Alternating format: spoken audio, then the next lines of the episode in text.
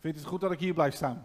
Ik vind dat ietsje lekker dan zo achter die uh, tafel. Goed om, er, goed om er te zijn en uh, te zien wat God doet, hoe, uh, hoe God beweegt. En als je Bijbel bij hebt, mag je vast opzoeken, Johannes 11. Daar gaan we het over hebben vandaag.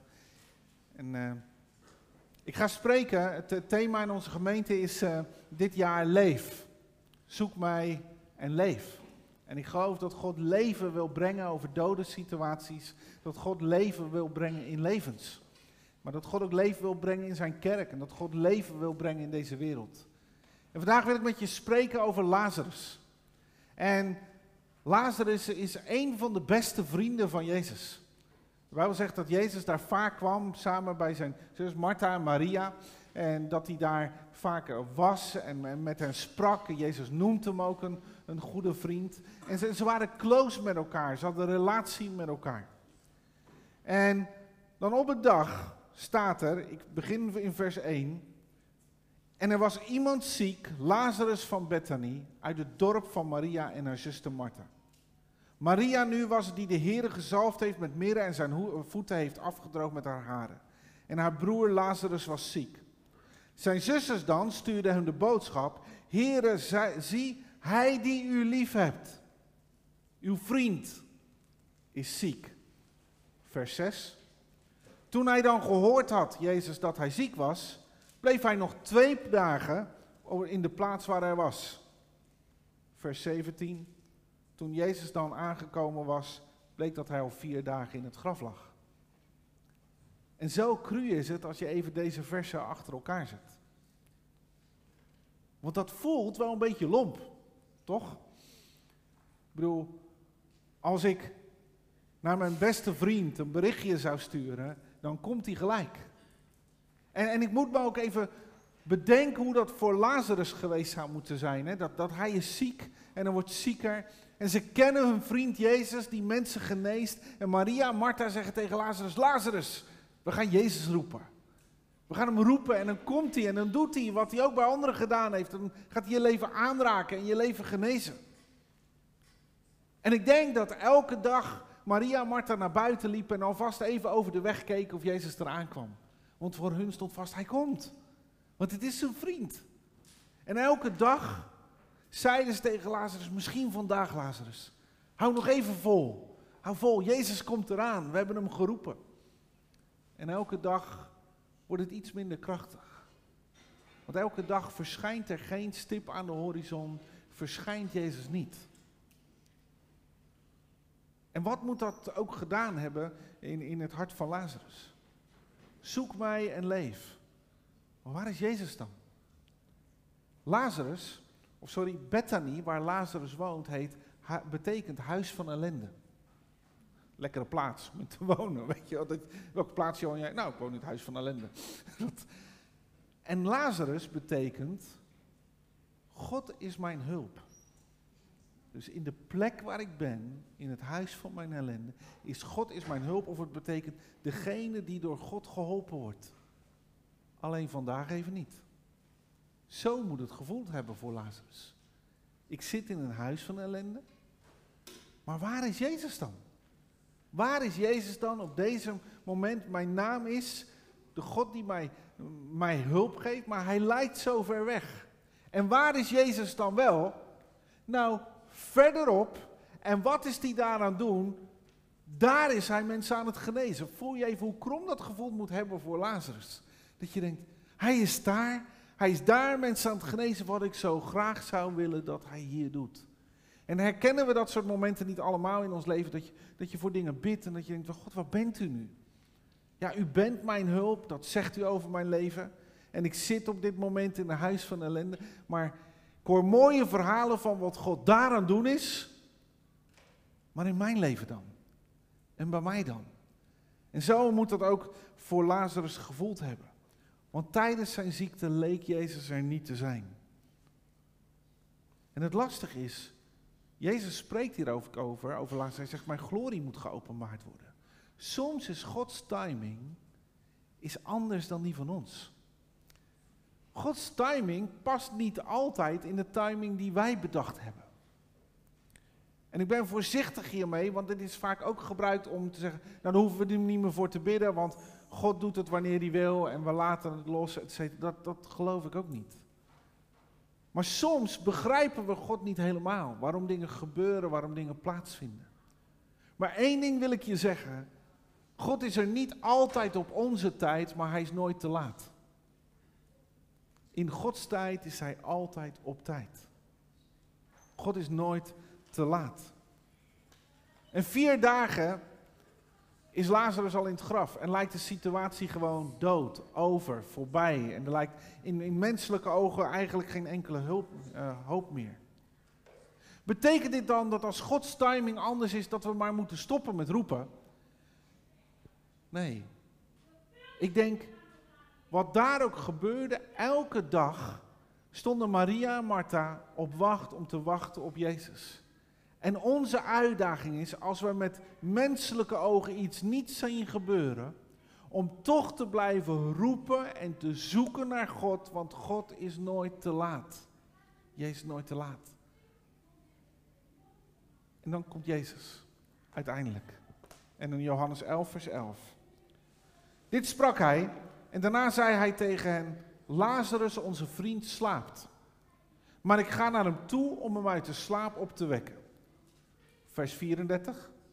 En hij zei, waar hebt u hem gelegd? En ze zeiden tegen hem, Heere, kom het zien. En Jezus weende. En de Joden zeiden dan, zie hoe lief hij hem had. En sommigen van hen zeiden, kon hij die de ogen van de blinde geopend heeft ook niet maken dat deze niet gestorven was? Jezus dan, opnieuw heftig bewogen in zichzelf, kwam bij het graf. En het was een grot en er was een steen opgelegd. En Jezus zei, neem de steen weg. En Martha, de zuster van de gestorvene, zei tegen hem, Heere, hij ruikt al. Want hij ligt hier al voor de vierde dag. Eigenlijk leek de situatie gewoon dood. En soms is het lastig als God dingen niet in onze timing doet. Ik ben hier uh, iets meer dan een, uh, of ongeveer een jaar geleden voor het laatst geweest. En uh, daarna, ik denk twee of drie weken later in oktober, het was zondagmorgen. En ik zat samen met mijn vrouw aan de ontbijttafel en gewoon, we zaten te kletsen en prima. En ik stap in de auto om alvast naar de kerk te gaan en ik voel een kleine kriebel in mijn keel. En tegen de tijd dat ik aankom in de gemeente was mijn stem ongeveer dit ook echt niet harder dan dit. En ik dacht, nou oké, dus met hang en wurgen, mezelf door de preek heen geworsteld, zeg maar. En. Ik denk, nou ja, twee, drie dagen schor en is het weer weg. Twee, drie dagen werden een week. En het werden twee weken. En ik schrok eigenlijk wel een beetje. Ik denk, wat is hier aan de hand? Ik spreek natuurlijk in de gemeente, daarna sta ik voor de klas. Heb je stem ook voor nodig. En ik heb een counselingsbedrijf waar ik allerlei één op één gesprekken met mensen doe. Dus ik leef redelijk van mijn stem. En die stem bleef maar zo. Dus ik ging naar de, uh, naar de huisarts toe. Die zei, nou wacht nog maar een weekje, het zal wel overgaan. En na een week was het nog steeds dit. En echt niet meer dan dit. Als wij thuis aan tafel zaten, dan moest ik op de tafel zo slaan. En dan zei een van mijn kinderen, hij wil wat zeggen. en dan mocht ik ook wat zeggen. Daarna zei de huisarts, ga maar door naar de KNO-arts en we gaan kijken. En ik kreeg zo'n slangetje door mijn neus heen. En hij zegt, ik heb niet zo goed nieuws voor je, want je stemband staat stil. En doet eigenlijk helemaal niets meer. Ik zeg, oké, wat kan dat zijn? Nou, hij zegt, kan twee dingen zijn. Er kan een, uh, een tumor op je stemband zitten. Uh, dat zou het slechtste nieuws zijn. Uh, hij zegt, of je hebt ergens een virus opgelopen waardoor je stembandverlamming hebt. En je stemband niet meer werkt. Oké, ik zeg, nou, hij zegt, we gaan een scan doen. Heel stoer zei ik, nou dan ga ik in ieder geval voor het tweede, dat, dat dat het is. Uh, ik zeg, we gaan kijken. Nou, scan gehad. Gelukkig was het geen tumor, dat was goed nieuws. Dus het was die stembandverlamming. Dus ik vroeg aan hem, ik zeg, oké, wat is mijn perspectief? Over een paar weekjes is het terug. Nou, zegt hij, het duurt een half jaar tot een jaar als hij terugkomt. Dat is wel een moment dat je denkt, oké, en wat nu? En ik begon te bidden en te proclameren en te zoeken. En, en elke zondag stond ik op en dacht ik, vandaag is hij terug, vandaag is hij terug, vandaag is hij terug. En hij kwam niet terug. En dan heb je zo'n Lazarus moment.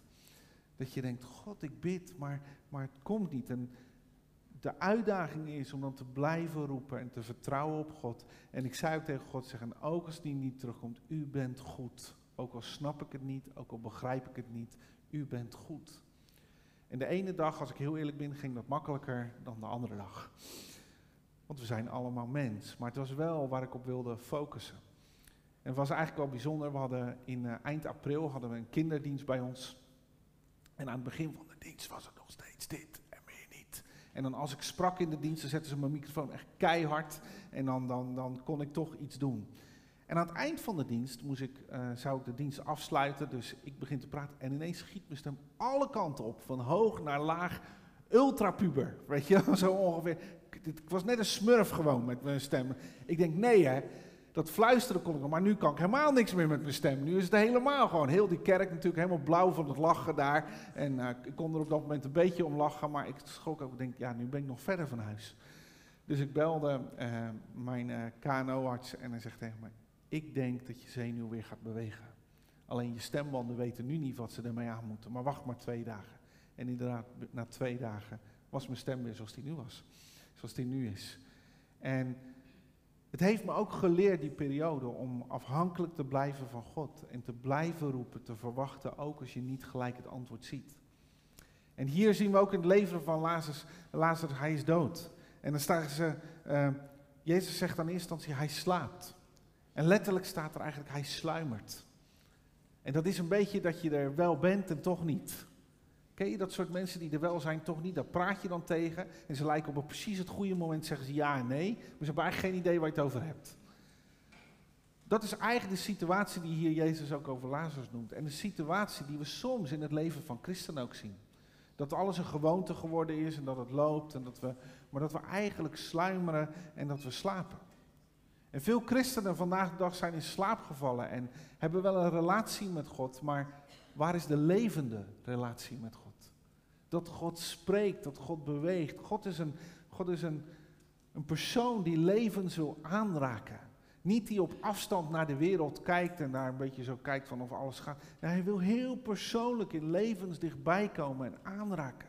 Jezus kwam naar deze wereld om de levens van mensen aan te raken. En daarna zei hij tegen zijn discipelen, en nu jullie. Jullie zijn nu mijn, mijn stem, mijn leven. En ik geloof dat de bedoeling is van de kerk en de gemeente dat we, dat we leven brengen. Mensen, de meest bruisende plek op aarde moet de kerk zijn. De meest bruisende levens moeten de meeste levens van christenen zijn. Betekent het dat ze nooit problemen hebben? Nee, bruisend zegt ook dat ik iemand door het dal zie gaan en toch ergens met vertrouwen en met leven daar doorheen te zien gaan. Dus ik heb het niet over een voorspoedsevangelie waar alles maar goed gaat, maar ik heb het over voorspoed die er zelfs tot in het dal is. En daar worden mensen jaloers op. En ik geloof dat dat de bedoeling is, maar veel kerken en christenen en gemeenten zijn in slaap gevallen en eigenlijk het levende van God is weg. Ik geloof dat God, raakt vandaag mensen aan.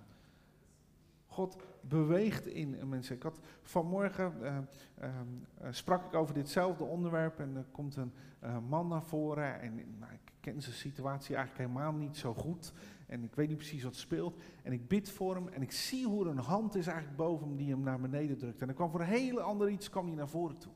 En ik zeg tegen hem ik zie een hand die je naar beneden drukt. En dit is wat je constant voelt in je leven. Dat je je klein gehouden voelt. Dat je klein bent en steeds probeert naar boven te komen. En het drukt. En de tranen eh, springen uit zijn ogen. En hij begint te huilen, te huilen, te huilen. Dat is Gods geest die precies raak in iemands leven ineens aanraakt. Ik kon het niet weten. Hij had het niet gezegd. Grote, stoere man. Dus ook niet dat je denkt, hè, met mijn psychologische blik kan ik raak zitten of wat dan ook. Maar ineens zegt hij, dit is exact wat in mijn leven speelt. En ik geloof, dit hebben we in onze kerken, gemeenten, hebben we dat nodig met elkaar. Een andere situatie, ik had een, uh, bij mij op school, ik doe leerlingbegeleiding en er zit een uh, meisje en een hele lastige thuissituatie. En ik hoorde ook dat de moeder het heel moeilijk had. En uh, helemaal geen christelijke achtergrond, helemaal niets met het geloof. En uh, kon daar in het gesprek ook niet zoveel van kwijt. En ik zit die zondag zit ik in mijn kantoor mijn preek voor te uh, bereiden. En uh, het was alsof God zei, mijn oog viel op een boek van Dirk, van Jozef Prins.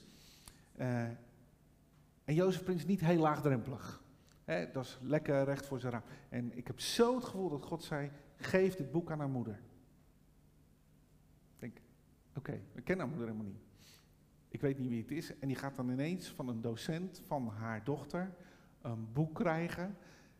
wat ook nog niet laagdrempelig is, waar niks met. Dus ik heb dat even uitgesteld. dat ik dacht, nou, oké. En ik voelde me heel de dienst onrustig. Dus ik heb, denk, nou, neem ik het in ieder geval mee naar huis, kan ik er nog over nadenken. En ik had mee naar huis genomen en uiteindelijk heb ik voorin geschreven, zeg mevrouw, ik ken u helemaal niet. Ik begrijp wel van uw dochter dat u het niet makkelijk heeft. Uh, en ik, ik, was al een tijd voor hun gezin aan het bidden. Uh, ik zeg, misschien klinkt het raar, maar al een aantal weken sinds ik uw dochter spreek, bid ik voor u en ik bid voor uw gezin. En ik heb het idee dat God zegt dat ik u dit boek moet geven. En uh, ik, ik, hoop dat het u mag dienen. En dat meisje komt bij mij op gesprek. Ik zeg, ik heb een boek voor je moeder. Een boek voor mijn moeder. Ik zeg, ja, ik heb een boek voor je moeder. Dus zij neemt dat boek mee.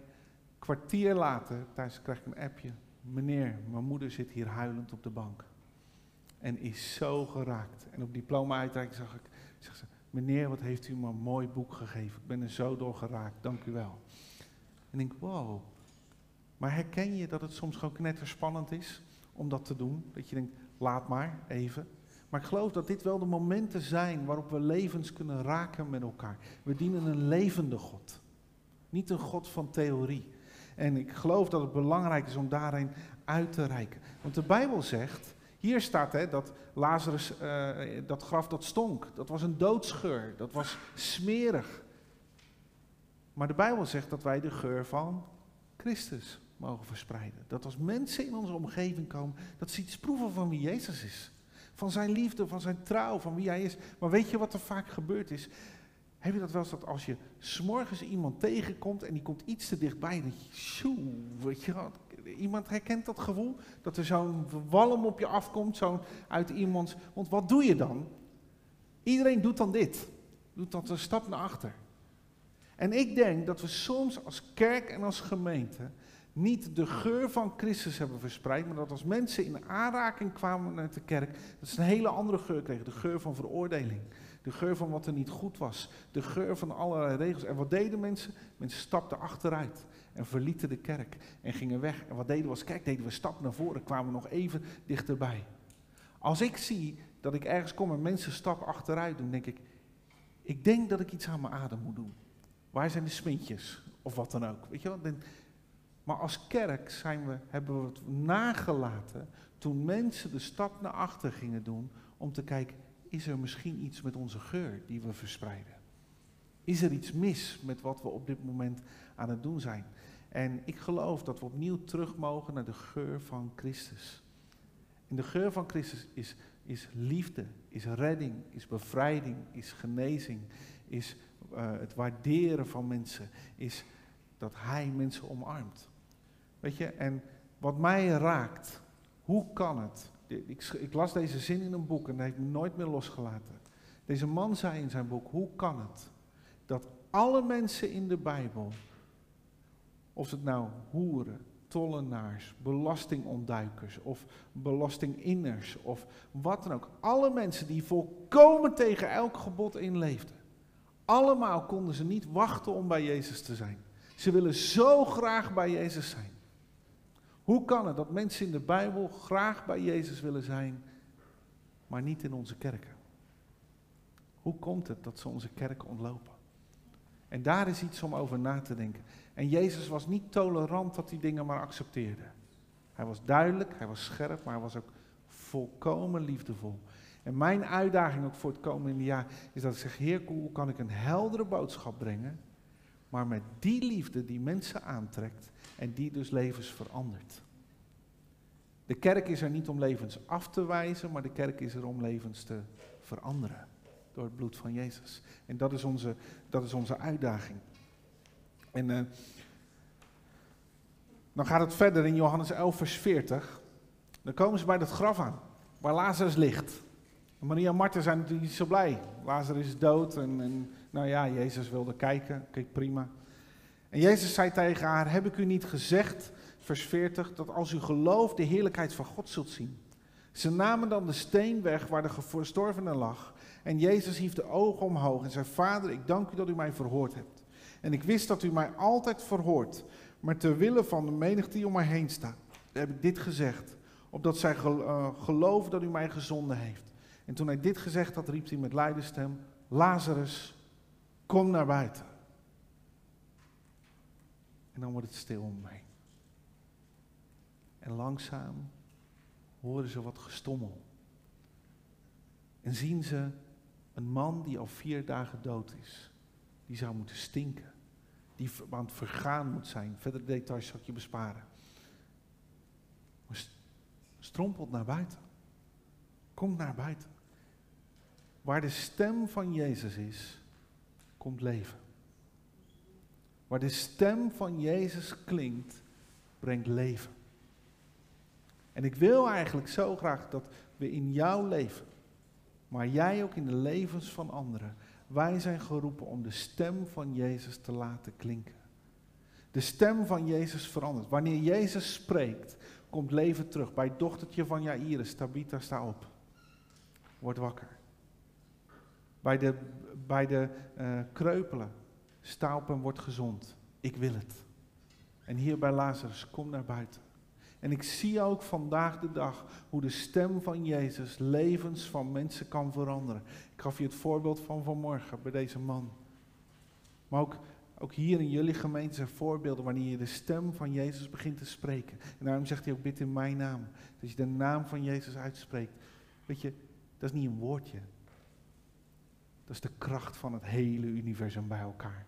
Want door zijn stem is alles geschapen. Is alles gemaakt. En zijn stem brengt, brengt, brengt leven. Zijn stem moet klinken in zijn kerk. Zijn stem moet klinken in, in, in de christenen, in jou en mijn leven. Zijn stem brengt vrede, brengt rust. Zijn stem bracht de, bracht de golven gewoon tot stilte. En dat, dat wat stormde kwam tot rust. En er kwam vrede. En jij en ik hebben die stem door de Heilige Geest gekregen om daarmee te spreken in de levens van anderen. En als wij in de autoriteit van Jezus, gevuld door Hem, gaan spreken, hebben we een levensveranderend effect op de mensen om ons heen. En ook op ons eigen leven, zijn stem. Belangrijk is ook in jouw en mijn leven, welke stem is dominant in jouw leven? Welke stem klinkt het meest? De stem van Jezus die daardoor door jou heen kan? Of is het soms de stem ook van negativiteit van mensen, situaties? De stem van, nou maar dat kan je niet, dat lukt niet, of altijd kijken wat er niet goed is, of wat dan ook. Er zijn mensen, dat is natuurlijk hier niet, maar soms in onderste kerk, die na een hele dienst beter weten of de koffie goed was en of de, uh, of de temperatuur van de verwarming goed was. En daar vullen ze een zondagmiddag mee. Zo ongeveer wat er daar goed. Terwijl ik denk, ja, maar waar gaat het om? En ze hebben de stem van Jezus zo'n hele ochtend gewoon gemist. Eigenlijk. Waar laten we ons mee vullen? Of de stem van ontmoediging. Of misschien wel de stem van vroeger. De stem van dat jij het niet kan. Dat jij het niet waard bent. Dat je minder waardig bent. Dat je er niet had moeten zijn. Dat je ongewenst bent. En als die stemmen klinken in je leven, maken ze je klein en zorgen dat je de stap naar achter doet en je eigenlijk niet zichtbaar maakt. Maar de stem van Jezus roept jou naar voren, nodigt je uit en zegt: Jij bent gemaakt om te leven. Je bent mijn kostbare dochter, je bent mijn kostbare zoon. En die stem, die helpt je ook door de dalen heen. Als de ontmoediging van het leven komt. Als er mensen van alles zeggen en van alles vinden. Zeg maar, hé, hey, wat vindt u? Hoe kijkt u naar mij? En laten we ons vullen door die stem. Verbind je met de stem van Jezus.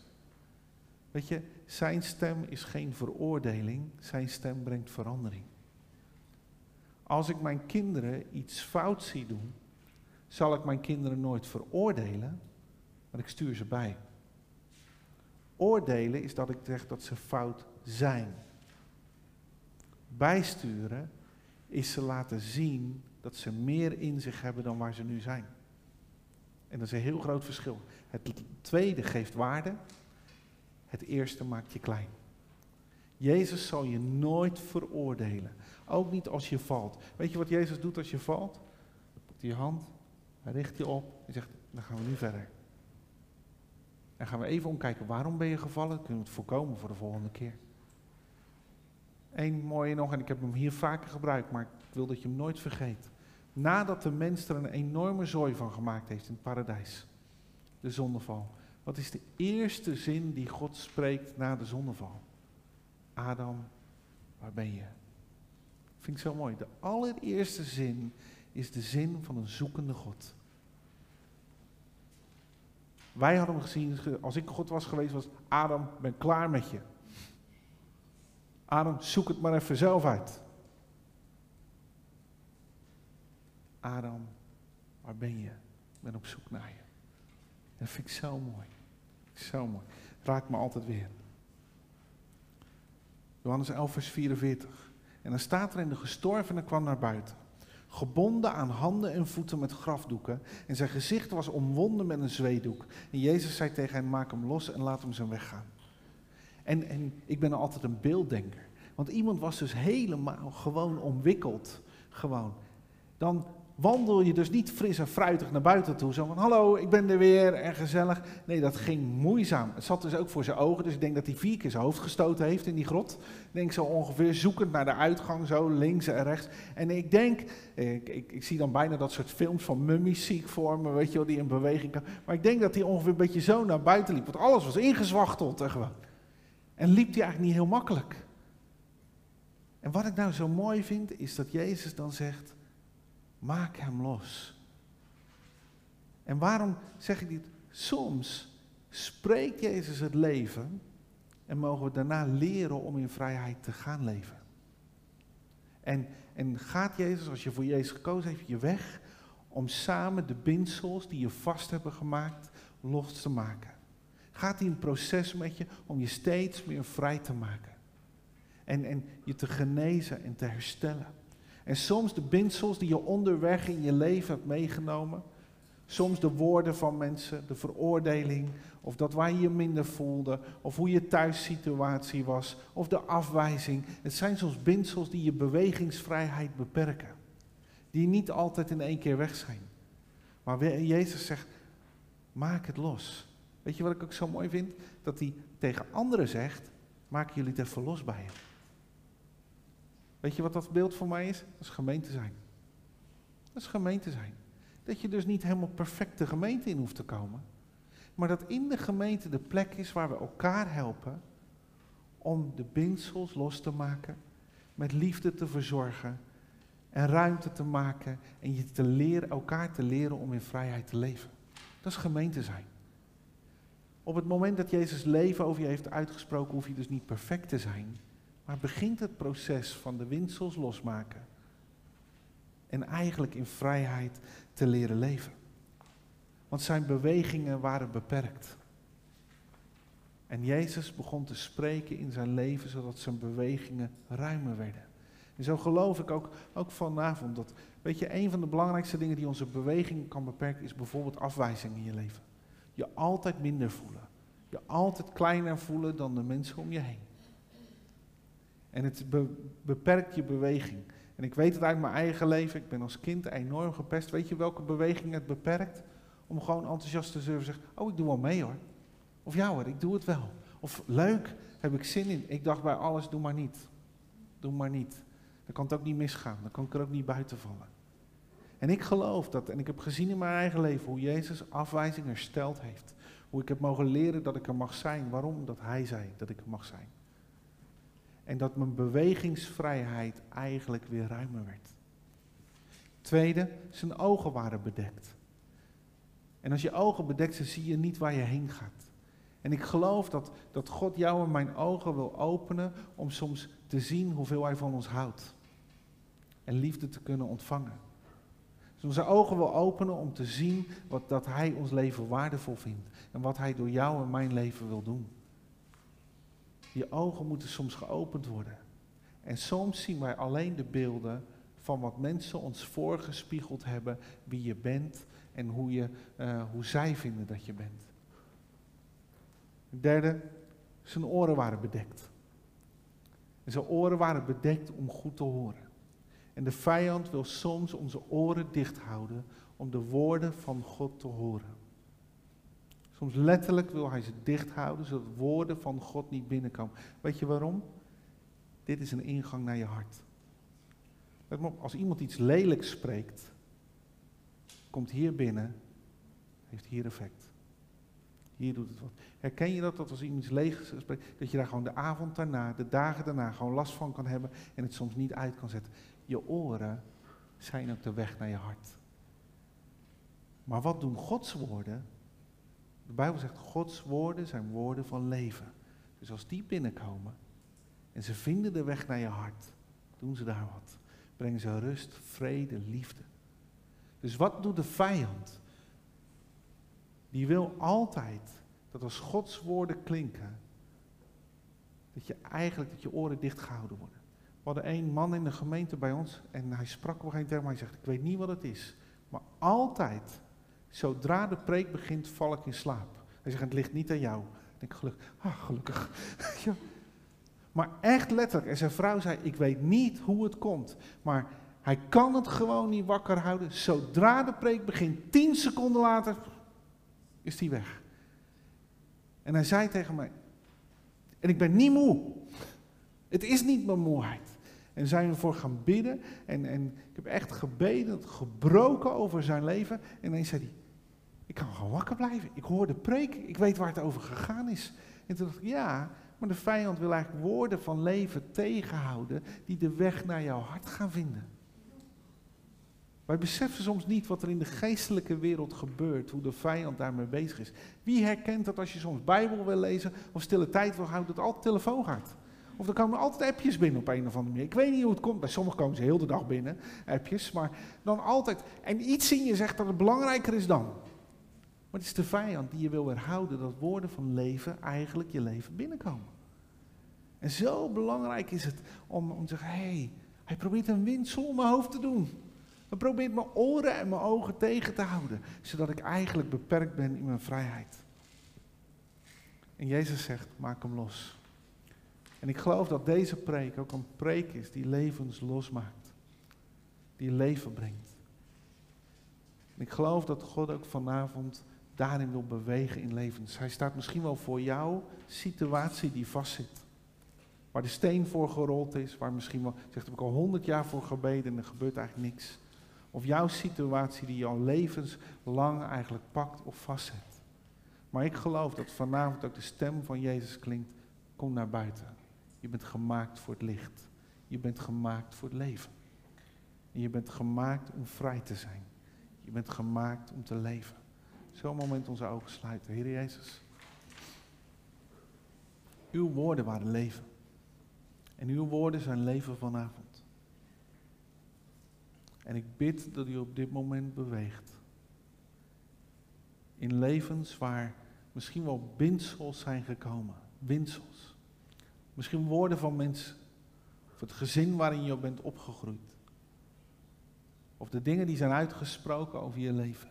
En de vijand probeert iets vast te zetten. Maar in de naam van Jezus spreek ik uit wat Jezus daar zei bij het graf van Lazarus. En spreek ik uit over jouw leven. Kom naar buiten. Kom naar buiten. En ik spreek leven en licht uit over je situatie. Misschien wel iets waar je al zo lang voor bidt. En net als Maria en Martha elke dag op de uitkijk stond en er lijkt niks te gebeuren. Maar Jezus kwam en hij komt nooit te laat.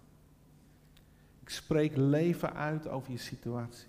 Ik spreek leven uit over je oren. Ik spreek openheid over je oren uit. Ik spreek openheid over je ogen uit. Ik spreek leven uit over jouw leven. En ik spreek ook uit dat het verleden je niet terug kan houden voor wat God in jouw toekomst heeft. Er is iemand waarvan je denkt, maar ik ben het niet waard. Ik ben het niet waard. En ik ga zeggen over je leven, je bent God alles waard. Je was hem zijn zoon waard. Omdat hij onder andere jou zag, zei hij tegen zijn zoon, wil je jouw leven geven? Zoveel ben jij waard. Maar het leven heeft je geleerd dat je niets waard bent.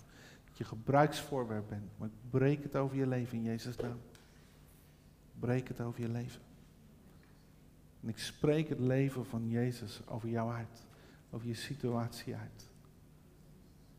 En ik spreek uit dat dingen zullen veranderen. Ik spreek uit dat er bewegingsvrijheid zal komen. En als dingen vanavond jou geraakt, wil ik je vragen om je hand gewoon op je hart te leggen. Dan zeg ik, Heer Jezus, u weet precies wat aangesproken heeft. U weet precies wat geraakt heeft. Maar u beweegt op dit moment over harten. U beweegt op dit moment over levens. En u opent een nieuwe toekomst. U opent een nieuwe weg, zoals u voor Lazarus een nieuwe weg opende. Heren, we maken onwerkzaam wat er soms uit het verleden ligt. En we spreken leven uit over situaties die soms in de dood zijn gekomen. We spreken leven uit. Heer, ik spreek over deze levens open ogen, open oren uit. En dat de liefde van Jezus je hart zal raken. En ik spreek ook over jullie uit dat je de stem van Jezus zult zijn in het leven van anderen. Zijn hier mensen, je zult iemand zijn die de windsels van anderen losmaakt. Je zult Lazarus zo op je pad zien, soms op je werk, maar ook hier in de gemeente. En je zult windsels losmaken en verzorgen. En datgene wat God in jouw leven gedaan heeft, ga je doorgeven. Ga je doorgeven aan die ander, zodat daar leven komt. Jij bent ook de stem van Jezus in het leven van anderen. En je zult staan voor het graf van anderen, voor de dode situaties van anderen. En zult net als Jezus waar het leven erover uitspreken, zeggen, kom naar buiten. En daarin, dat wil ik ook vrijzetten. En denk niet bij jezelf, dat, dat heb ik niet. Dat is alleen maar voor super christelijke uh, mensen. Nee, ook voor jou. En daarin zegen ik je. In Jezus' naam. Amen.